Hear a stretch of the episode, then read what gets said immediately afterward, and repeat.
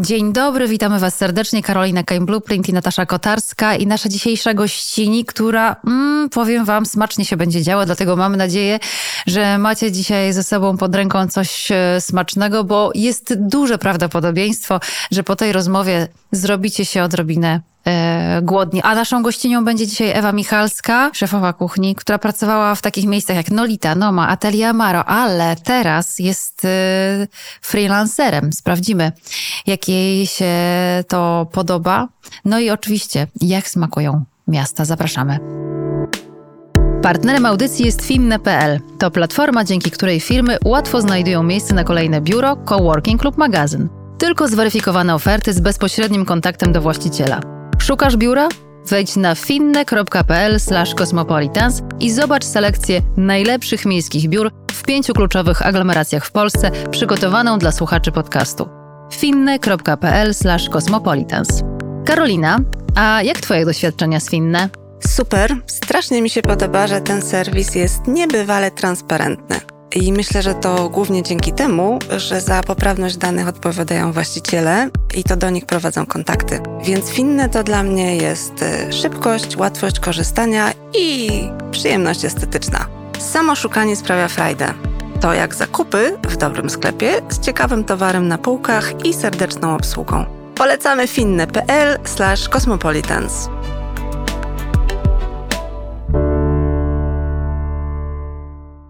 Karolina Kain Blueprint, Natasza Kotarska i Ewa Michalska, freelancerski tak, szef tak. kuchni. Ja nie mam z tym problemu. W sensie szefowa też brzmi dobrze, feminitywy e, trzeba, więc szefowa brzmi Szefowa super, super. szef też brzmi Też super. fajnie. Ale szefowa nigdy nie kojarzyła mi się ze stołówką, więc może być szefowa. Ewa, ty się stałaś e, takim freelancerem, e, e, szefem, szefową freelancerem. Jak sobie radzisz? Tak, można tak to powiedzieć.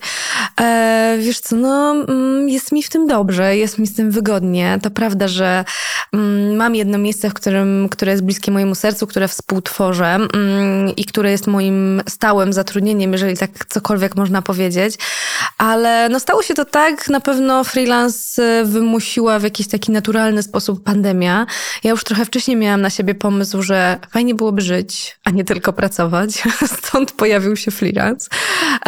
Ale od tamtej pory faktycznie, faktycznie działam na własne nazwisko, na własny rachunek. Mm, No i to daje mnóstwo wolności. Ja nigdy mm, nie chciałam się ograniczyć do jednego miejsca. Lubię to, że każdy projekt to inni ludzie, każde zlecenie to, to inna historia, więc to jest bardzo fajne, że po prostu e, no też nie dla wszystkich. Nie spędzasz 16 godzin z tymi samymi ludźmi, e, nie widząc tych, których karmisz przeważnie, bo pracujesz bez światła słonecznego, a jeżeli pracujesz ze światłem, to na pewno nie masz czasu, żeby poznać tych, których karmisz, czyli gości. No ja zdecydowanie mam ten czas i e, moi goście to są moi ludzie. więc, e, więc tak, freelance polecam. Ale wiecie, nie ma przelewu dziesiątego. Ja właśnie tak Ewę poznałam, że byłam jej człowiekiem, którego nakarmiła. Oj tak, tak, to było cudowne i smaczne spotkanie.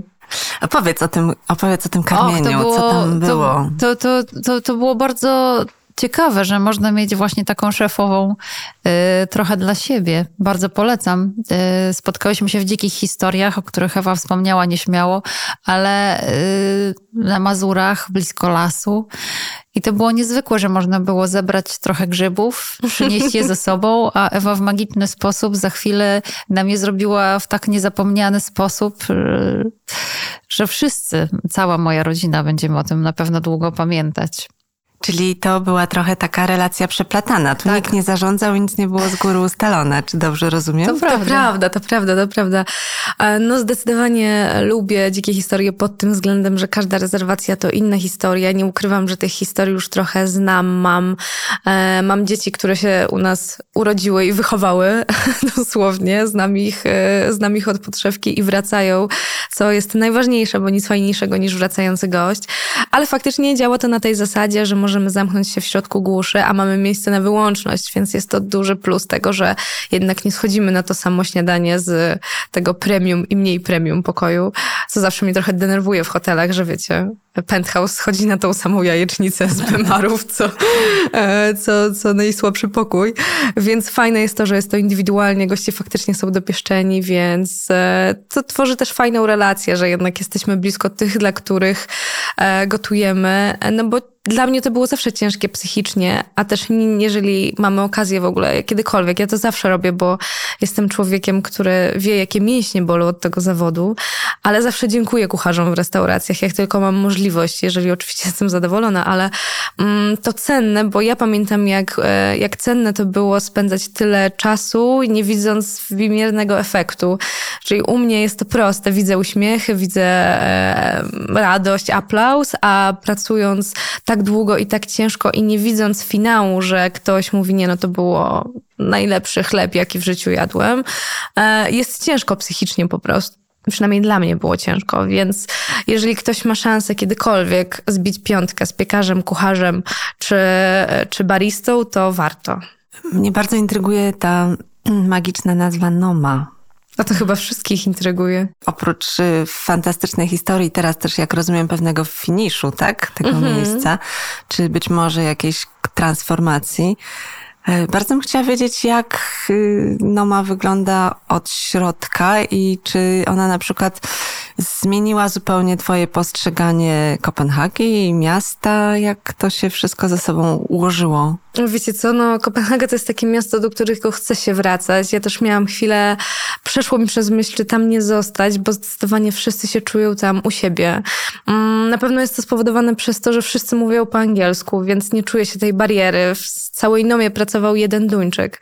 Więc wyobraźcie sobie w Polsce restaurację, gdzie nie mówi się po polsku, a w Nomie nie mówiło się po duńsku. Więc to było super, że każdy się tam czuł na swój sposób u siebie, e, a kameralność jeszcze Kopenhagi tworzyła ten taki, no jest tam taki hygge klimacik. Faktycznie zjemy sobie bułeczkę, zapalimy świeczkę, to był jeszcze, ja zaczęłam tam pracować w zimę, więc było naprawdę przytulnie. E, no i, e, i fajnie tam płynie czas, każdy się tam czuje dobrze. Mm, no a Noma nie porównałabym tego do niczego innego. Też nigdy ciężej nie pracowałam niż tam, co mogłoby być śmiesznym kontrastem do najszczęśliwszego narodu na świecie.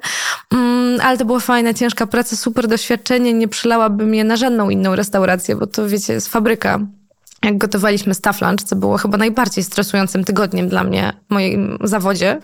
Miałam ich trochę, e, no bo wiecie, gotujesz dla stu najlepszych kucharzy na świecie. E, to prawie 100 osób, więc trudno byłoby mi wytypować w Polsce restaurację, która ma chociaż połowę tego staffu. Mm, więc to była zdecydowanie instytucja, inne podejście do konceptu. Kuchnie się dzieliły na kuchnię produkcyjną, serwisową, testową, czyli mamy samych kucharzy, którzy tylko e, mają za zadanie rozkminiać. Wyobrażacie sobie to u nas?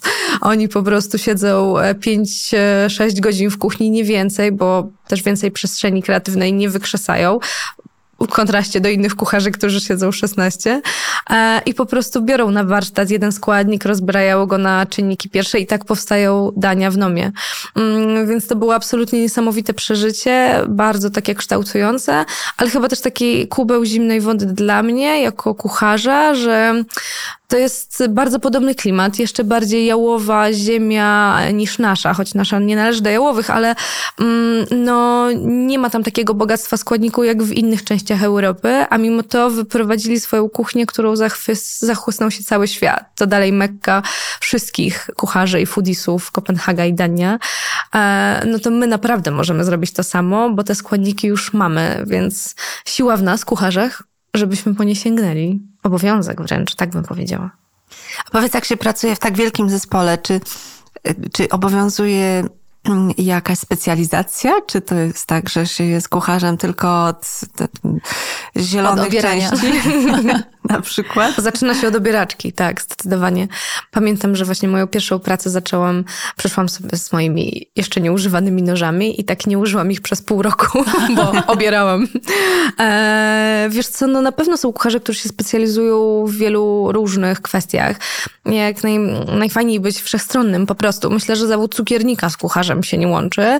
Myślę, że tak jak hydraulik i elektryk. Może jeden potrafi coś z drugiego, ale mm, zdecydowanie cukiernicy to inne głowy, bardziej apteczne, bardziej dokładne i, zupełnie inna kreatywność niż kucharze.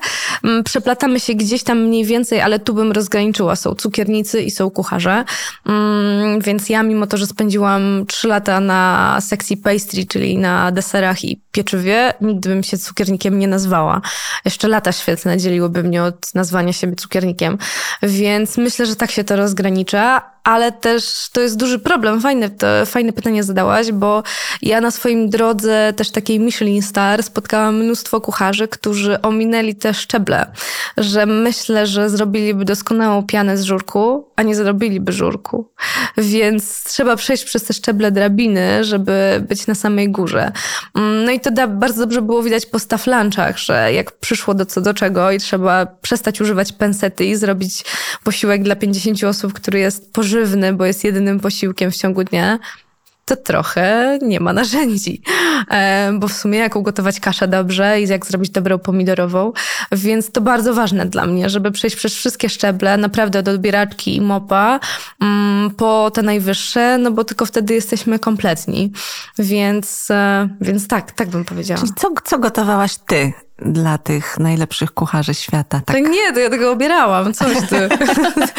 Nieprawda. E, nie, no trochę, trochę się działo. Faktycznie była to ogromna instytucja i, e, i ta praca była tam każdego dnia zupełnie inna. Też oczywiście mocno monotonna, no bo gotowaliśmy dziennie dla 120 osób, którzy prawdopodobnie jedzą najlepszy posiłek w swoim życiu, mm, a na pewno najdroższy, więc wiecie, presja, presja niemała. Mm, więc ja akurat miałam szczęście, bo bardzo szybko trafiłam na kuchnię serwisową, więc e, miałam ten drive serwisu, który nie każdy ma, bo można siedzieć po prostu godzinami i tam, wiecie, zwijać jakieś rzutkiewki i nie widzieć finału.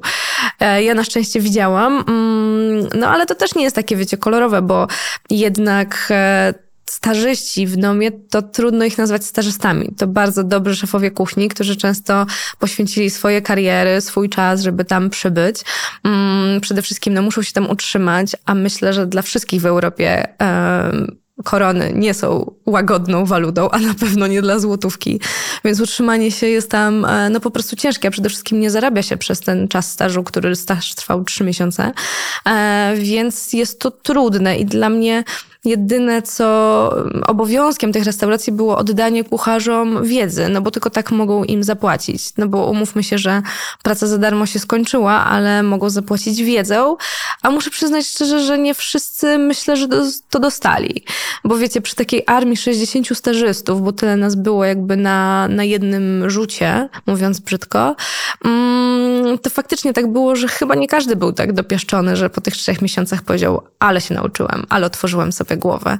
Trzeba było się, mówiąc kolokwialnie, wkręcić. No ja to zrobiłam, ale wiecie, byłam jedyną Polką, więc wszyscy byli zachwyceni moim słowiańskim akcentem. więc może dlatego, ale wiecie, armia ludzi, którzy może były trochę bardziej nieśmiała, miała mniejszą siłę przebicia. Mm, no jak zaczęło pierwszego dnia stażu przebierać kiełki, tak trzeciego miesiąca skończyła przebierać kiełki. I myślę, że to trochę nie fair. Stąd właśnie cała, e, cała w ogóle mm, otoczka tego, jak funkcjonują e, gwiazdkowe restauracje, czy powinno tak być, że takie armie ludzi jednak zasilają ich, um, ich dobro za darmo. Więc to, ale to wiecie, to kolejny, e, kolejny podcast pewnie o tym, a daleko od miasta odbiegłyśmy. No ale jak już jesteśmy w tej Kopenhadze, to czym twoim zdaniem Kopenhaga smakuje? Jaki jest mm. smak? Czy można w ogóle, wiesz, tak się zastanawiam, czy można by było określić smak miasta, albo wiesz, czym pachnie, albo czym smakuje to miasto. Myślę, że tak.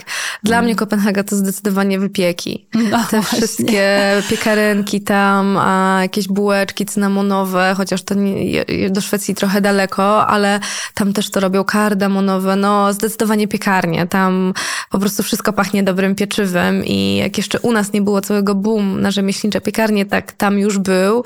Więc tak, Kopenhaga dla mnie pachnie dobrym pieczywem, dobrą kawą też zdecydowanie takim, takim jedzeniem. Dobrą kawiarnią dla mnie właśnie Kopenhaga, zdecydowanie, no.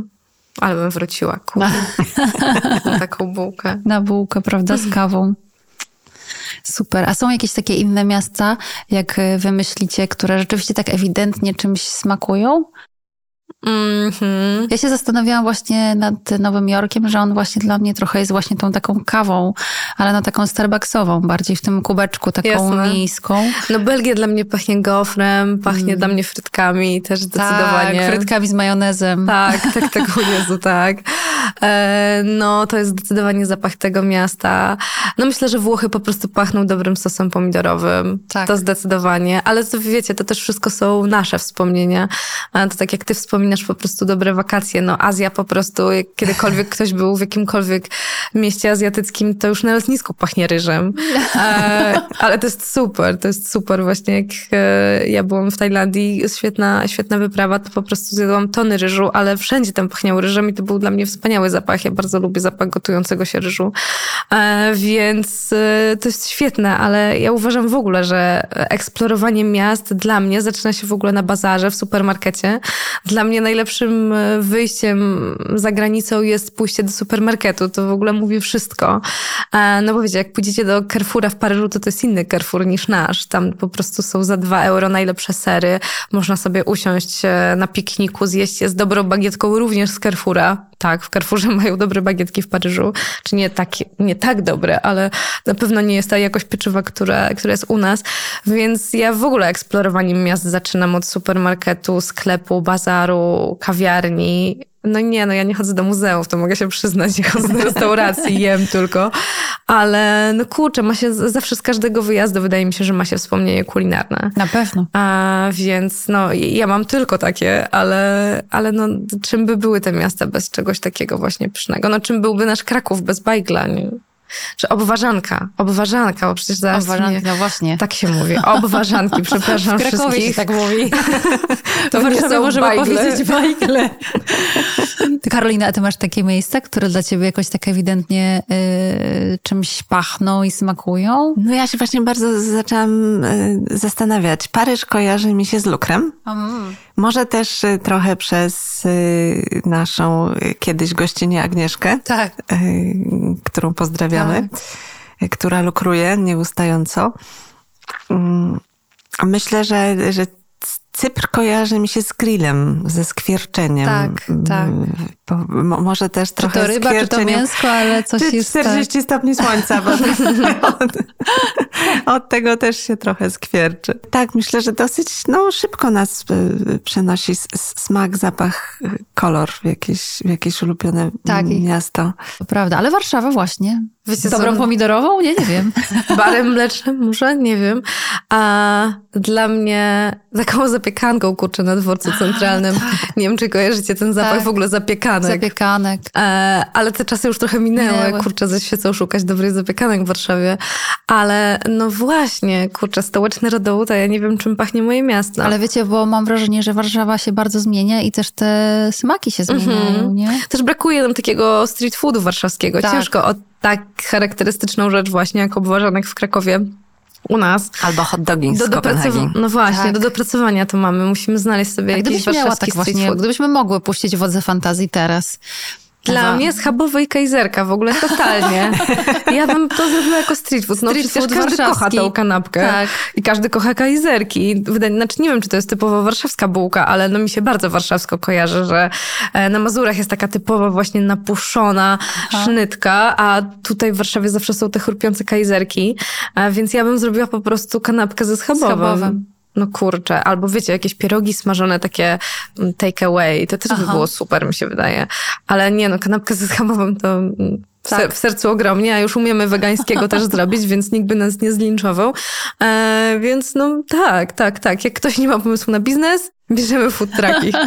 Ja, ja znam stałego klienta. Jeden z moich Aha. synów y, byłby u ciebie o, codziennie. Tak, słuchaj, mój w sumie mogę powiedzieć stety i niestety poznał Ewę. E, I teraz niestety słyszę ja cały czas, bo Ewa to inaczej.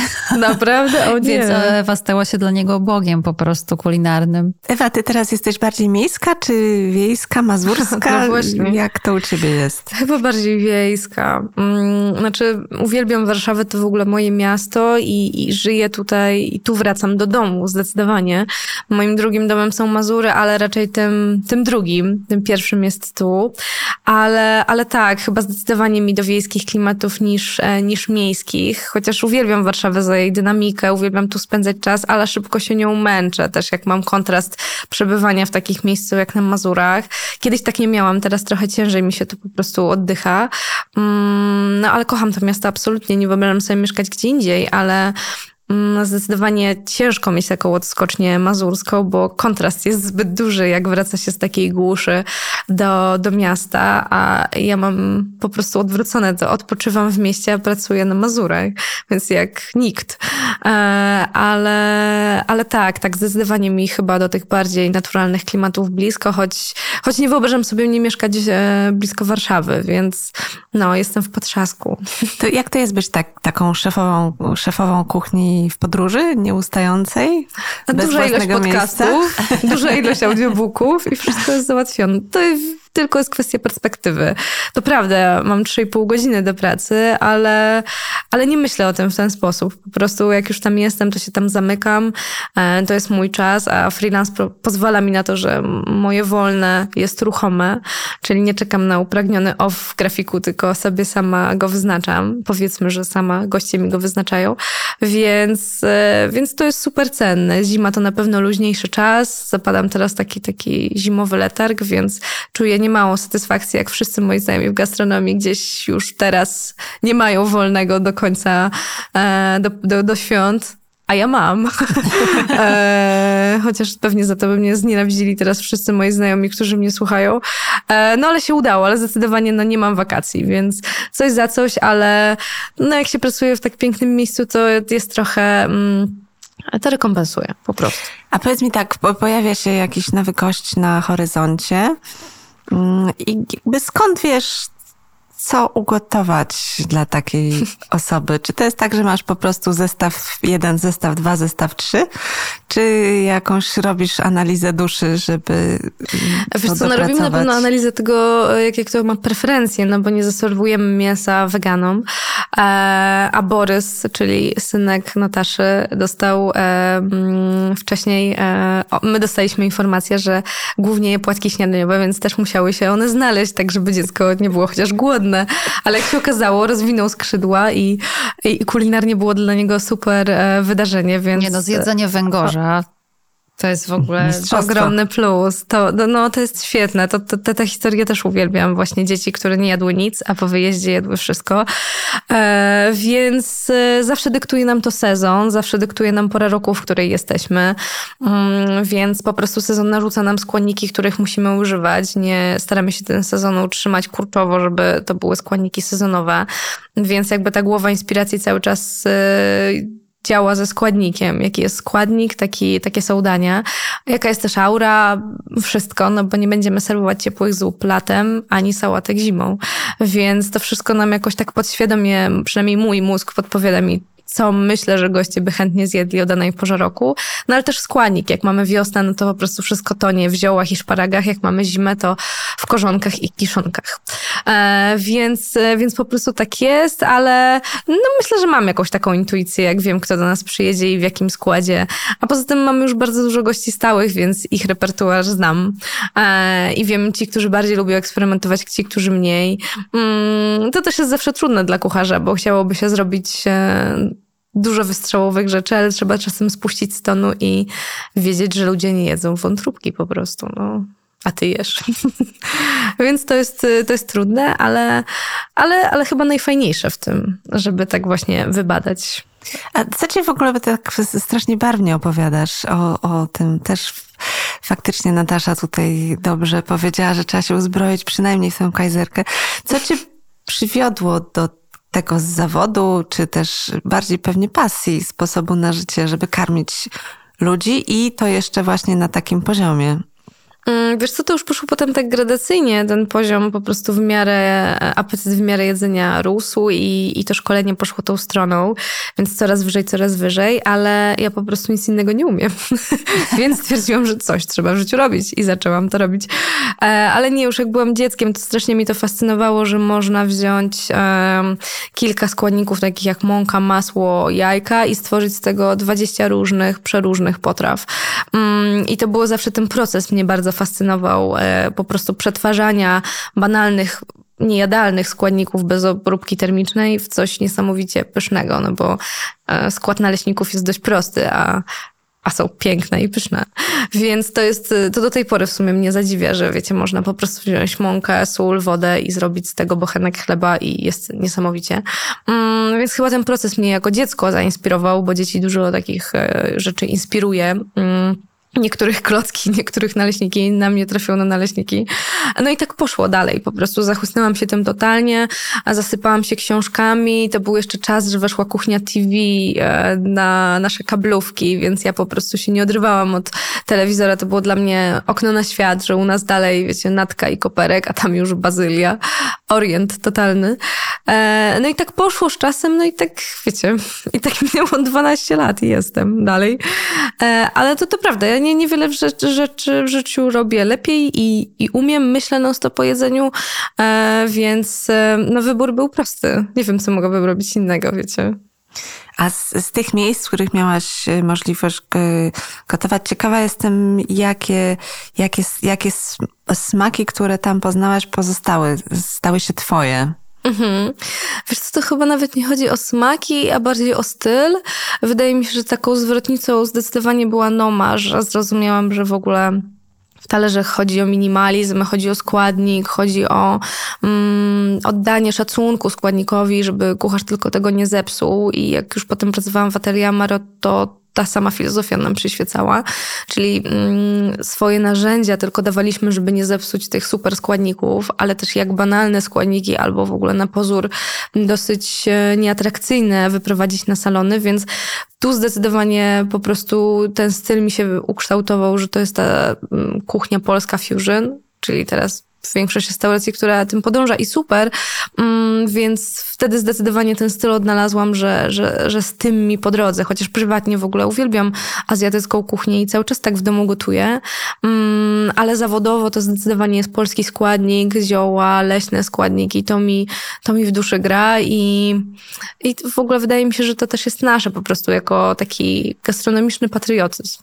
Warto to robić. Taką patriotyczną końcówkę dodałam. Ty otwierasz nas na takie możliwości, że można wypić napój z y, młodych pędów świerku, fascynuje nas ten street food całego świata, to a często nie sięgamy po coś, co mamy naprawdę y, tak. obok siebie. To właśnie też zobaczyłam na Mazurach, że mm, to, czym my trochę szpanujemy w fine diningowych restauracjach, że byliśmy w lesie, zbieraliśmy, a teraz Państwo to mają na talerzu i to jest super.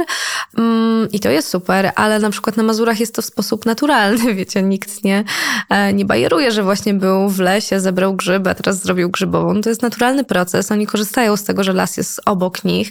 Natura koegzystuje z nimi na co dzień, więc e, oni po prostu tego używają. Do grilla sobie dorzucają gałązkę jałowca i to jest dla nich tak jak dla nas rozmaryn.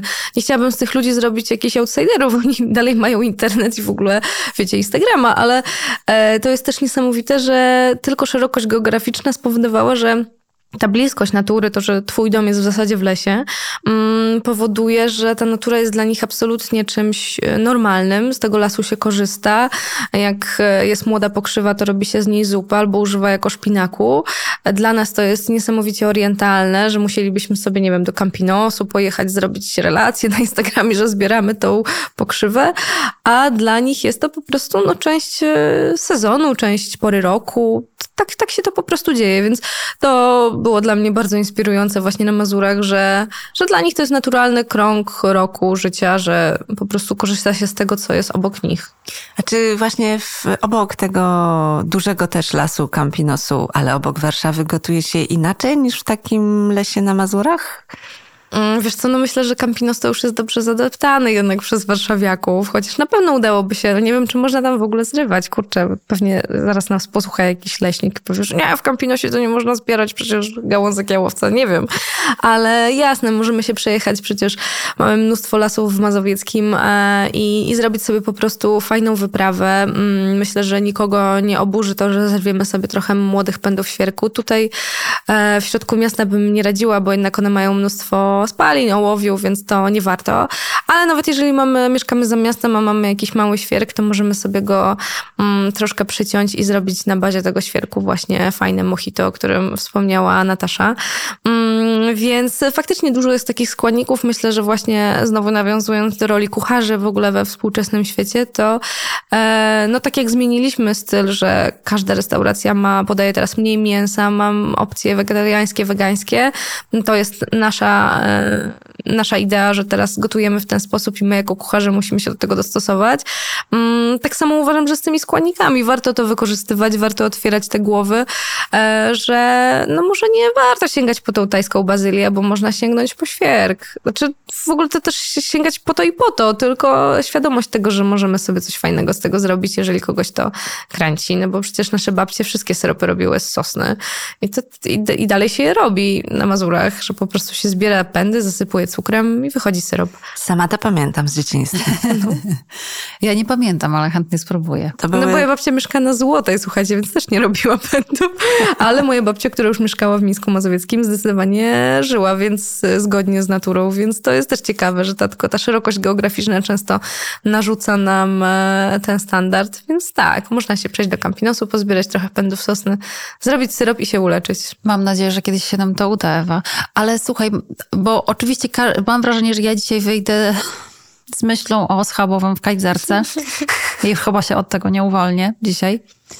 E, ale tak mam, tak po prostu, tak sobie myślę, że fajnie by było, bo zawsze mi się wydawało, że i radio, i, i, i podcasty nie są dobrym nośnikiem ani przepisów, bo warto je zobaczyć. Natomiast Potem zrozumiałam, że nie, nie, nie. To jest fantastyczny teatr wyobraźni i moglibyśmy o czym się powiedzieć. Gdybyś miał jakiś jeden prosty przepis na coś, co akurat na przykład nadchodzący weekend wszyscy mogą sobie w domu wyczarować, to co by to było? Poza tym schabowym. Tego chyba każdego Polaka nie muszę uczyć. Każdy wie, jak zrobić schabowy. Słuchajcie, jak mam kursy kulinarne i czegoś nie wiedzą ludzie, na przykład jak coś zapanierować, tak powiesz jak schabowe, to wszyscy to potrafią. Więc myślę, że to, to głęboko jest w naszej krwi po prostu. Panierujemy. Mm, kurczę, no tutaj mnie zaskoczyłaś, no mogłaś mnie przygotować na takie pytanie, ale jak już zanęciliśmy naszych e, słuchaczy, słuchaczki e, o tym mojito, no to myślę, że może no. o tym warto. E, to akurat super prosty przepis, który bazuje na tym samym, na czym bazuje mojito, tylko zamieniamy miętę na właśnie pędy świerku i można zrobić to cały rok.